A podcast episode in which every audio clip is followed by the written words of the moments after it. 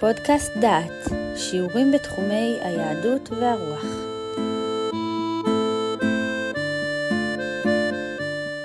ברוכים הבאים לפודקאסט דעת לקורס ירמיהו ותקופתו. בפגישה זו אנחנו נעסוק בירמיהו פרק ל"ב, מכירת השדה לחנמאל. מדבר אליכם יהודה אייזנברג, ואני מקווה שתיהנו מן הלימוד. פרק ל"ב בירמיהו מעלה סיטואציה שכדי להבינה צריכים לעמוד על הרקע הצבאי והפוליטי של התקופה. ירמיהו נמצא במעצר. הוא אמנם לא עבר עבירה שבית משפט יכול לפסוק לו עונש, אבל הוא נתון במעצר מונע, מעצר מנהלי, כדי שלא יאמר מה שהוא רוצה לומר, ולא יפריע לצדקיהו במהלכים הפוליטיים שהוא מתכנן. צדקיהו מתכנן מהלך פוליטי שיש בו הימור על כל הקופה. הוא מחליט כי הוא יצטרף ואף יעמוד בראש בקואליציה של מדינות האזור, עמון, מואב, צור, צידון. מצרים תתמוך מדרום, ובראש הברית יעמוד צדקיהו, ויוכל להתגבר על האויב מצפון, הרי זה האיום הבבלי, עיראק של ימינו. ירמיהו מתנגד לתהליך מדיני זה ורואה בו אסון. הקואליציה של צדקיהו לא תוכל לעמוד מול האויב האמיתי הבא מצפון. בסופו של דבר ינצח נבוכדנצר. על כן, במקום ליצור קואליציות מדומות של קבוצת עמים שכולם יחד אינם מתחילים להידמות לעוצמה של בבל, קבלו את דבר השם. אל תילחמו באויב שאין לכם סיכוי נגדו. הכסדים פולשים לארץ, הם באים מצפון לכיוון ירושלים. יושבי הכפרים בורחים דרומה והם נאספים בירושלים, הבירה המבוצרת. עירו של ירמיהו, ענתות, רחוקה מהלך שעות ספורות מירושלים, נופלת ביד הכסדים. מי יהודי יעז לטייל בחוצות ענתות? איזה יהודי יעז לטייל בחוצות ענתה, זה שם הכפר היום. ובתוך הלחץ הזה והמועקה הזאת, זוכה ירמיהו לביקור קרובים בבית הסוהר. דודו, חנמאל בן שלום, בא לבקרו, והדוד אינו מקדים הקדמות רבות, הוא בא לעשות עסקים. ויבוא אלי חנמאל בן דודי כדבר אדוני אל חצר המטרה, ויאמר אלי, קנה נא את שדי אשר בענתות אשר בארץ בנימין, כי לך משפט הירושה ולך הגאולה. קנה לך. לחנמאל הצעה שאי אפשר לסרב לה. דבריו מבוססים על משפט הגאולה המפורט בספר ויקרא, וכך נאמר שם. וכי ימוך אחיך ומכר מאחוזתו, ובא גואלו הקרוב אליו, וגאל את ממכר אחיו. אדם המוכר את שדהו, חובה על קרוב משפחה, הגואל הקרוב, לגאול את השדה ולסייע למוכר לחזור ולקנות את שדהו. חנמאל מציע לירמיהו קיצור דרך. מדוע שאמכור אני את השדה לאדם זר, ואחר כך אתה תקנה ממנו את השדה על פי דיני הגאולה? קנה אתה את השדה מיד, ונחסוך ביורוקרטיה מיותרת. חנמאל מדבר כאילו יש תור ארוך של קונים לקנות את השדה, והוא רוצה לחסוך לירמיהו את המשא ומתן עם הקונה הפוטנציאלי, שיחזור וימכור לו את השדה, כי הוא גואל. מי קונה שדות בשעה שהאויב בשער? מי קונה שדה בכפר שכבר נמסר לידי האויב? הדבר דומה לאדם שיבוא היום לקרוב משפחה ויאמר לו, תראה, קניתי מגרש ברמאללה, חסר לי קצת כסף, תקנה ממני את המגרש, חבל שאמכור אותו לאדם זר. וירמיהו קונה הוא מקיים את כל כללי הקניין, ואפילו יותר מן הדרוש. ואקנה את השדה מאת חנמאל בן דודי אשר וענתות, ואשקלה לו את הכסף, שבעה שקלים ועשרה הכסף. ואכתוב בספר, ואכתום, ואעד עדים, ואשקול הכסף במאזניים. ויקח את ספר המקנה, את החתום, המצווה והחוקים ואת הגלוי. ירמיהו משלם תשלום מלא, שבעה שקלים ועשרה כסף. והוא כותב שטר קניין על השדה. בשטרות היו שני חלקים, החתום והגלוי. החתום הוא החלק העליון של השטר, בו נרשמו פרטי העסקה והמצווה שעל פיה נעשתה העסקה והחוקים הקשורים בה. במקרה זה, המצווה היא לגאול שדה של קרוב משפחה, והחוקים הם חוקי המכר וגאולת שדה. חלק זה של השטר נכתב, העדים חותמים בו, והוא נגלל ונקשר כדי שאי אפשר יהיה לפתוח אותו. אחרי שמסיימים את כתיבת החתום, חוזרים וכותבים שנית את השטר על אותו קלף ומשאירים אותו פתוח. זהו הגלוי. כאשר צריך להראות בעלות על השדה, מראים את השטר ואפשר לראות את החלק הגלוי, שכל פרטי העסקה כתובים בו. אם מתעוררת בעיה משפטית, מישהו טוען שמשהו מזויף, פותח השופט את החלק החתום ובודק את הכתוב בו.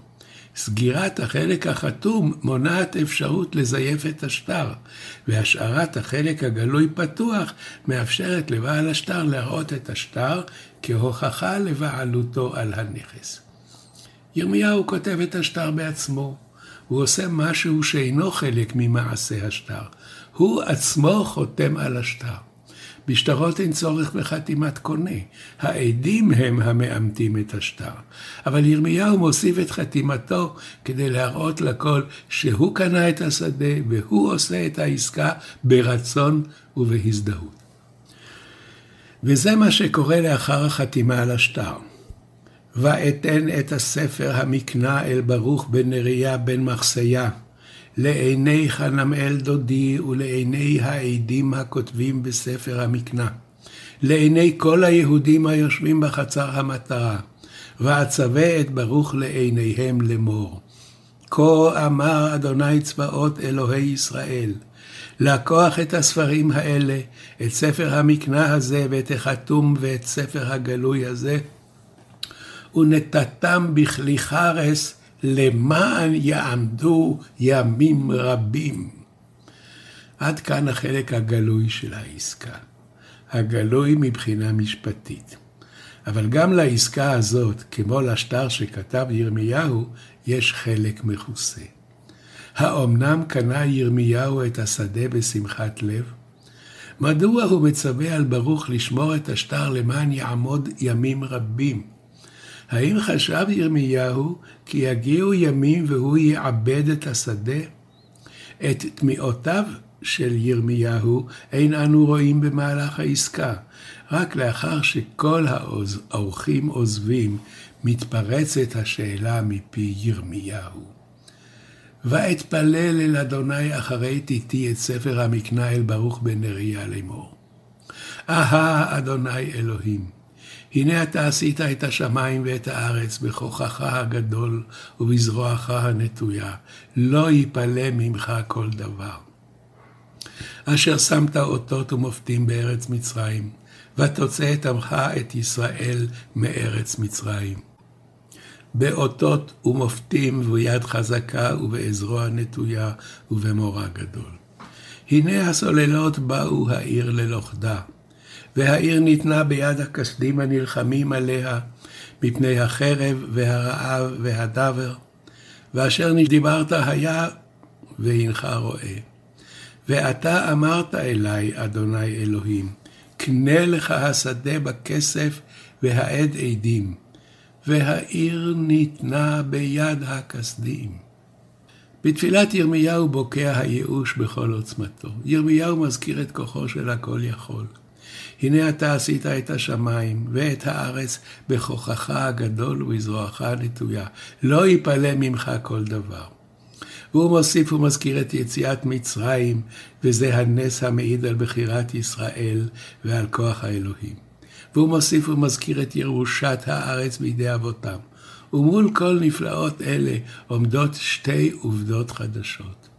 הסוללות באו העיר ללוכדה, ואשר דיברת היה והנך רואה. איך ייתכן שלאחר כל מה שעשית לישראל, תיכבש העיר בידי הכסדים? ואחר כל זאת אמרת אלי, אדוני אלוהים, קנה לך השדה בכסף, והעד עדים, והעיר ניתנה ביד הכסדים. איך ייתכן שאתה עושה כל זאת, ובמקביל אתה אומר לי לקנות את השדה בכסף ולהעיד עדים? תשובת השם מקבילה בסדר הדברים לדברי ירמיהו, אלא שהשם הופך את הדברים. נשמע את התשובה. ויהי דבר אדוני אל ירמיהו לאמור, הנה אני אדוני אלוהי כל בשר, הממני ייפלא כל דבר, לכן כה אמר אדוני, הנני נותן את העיר הזאת ביד הכסדים וביד נבוכדרצר מלך בבל ולכדה. תשובת השם כמעט מצטטת את דברי ירמיהו. ירמיהו אמר לא ייפלא ממך כל דבר, והשם עונה הממני ייפלא כל דבר, אלא שהשם הופך את דברי ירמיהו על פיהם. ירמיהו תמה, אם לא יפלא ממך כל דבר, איך יבואו הסוללות על העיר ללוכדה? ואילו השם עונה, לכן כה אמר אדוני, הנני נותן את העיר הזאת ביד הכסדים וביד נבוכדרצר מלך בבל ולכדה. ירמיהו רואה את חולשתו של האל בכך שהכסדים כובשים את העיר, ואילו השם רואה בכך את כוחו. כוחו הגדול של השם הוא בכך שהוא עושה את שצריך להיעשות מבלי להתחשב בזיכרונות עבר. ישראל חטא והעיר צריכה להיכבש, ועל כן היא תיכבש. הממני יפלא כל דבר, לכן כה אמר אדוני, הנני נותן את העיר הזאת ביד הכסדים, וביד נבוכדרצר מלך בבל ולכדה. העובדה שאני נותן את העיר הזאת ביד הכסדים, היא ההוכחה שממני ייפלא כל דבר. אנו זוכרים את דברי העם בספר ירמיהו, המכריזים כי בית המקדש אינו יכול להיחרב, ואת הסיסמה שקראו, היכל השם, היכל השם, היכל השם המה.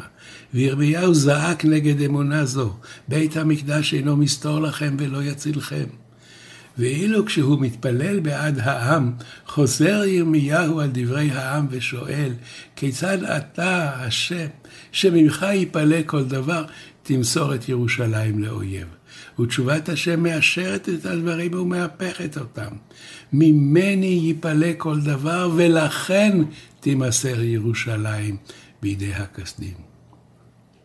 גבורת השם לפי פרק זה אינה הצלה בכל תנאי ובכל מקרה, אלא במתן גמול צודק, והגמול הוא עונש מיידי, אבל יש בו הבטחה לעתיד.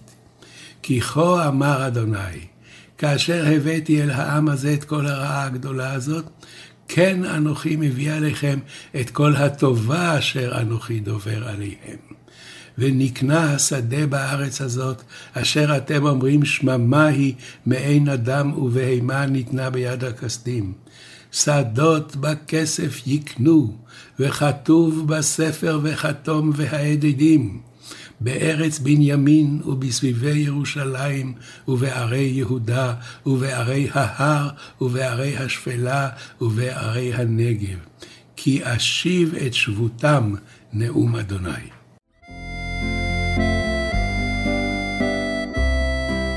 שמעתם שיעור מתוך הקורס ירמיהו ותקופתו, מאת פרופסור יהודה אייזנברג. את הקורס המלא וקורסים נוספים ניתן לשמוע באתר דעת במדור פודקאסט.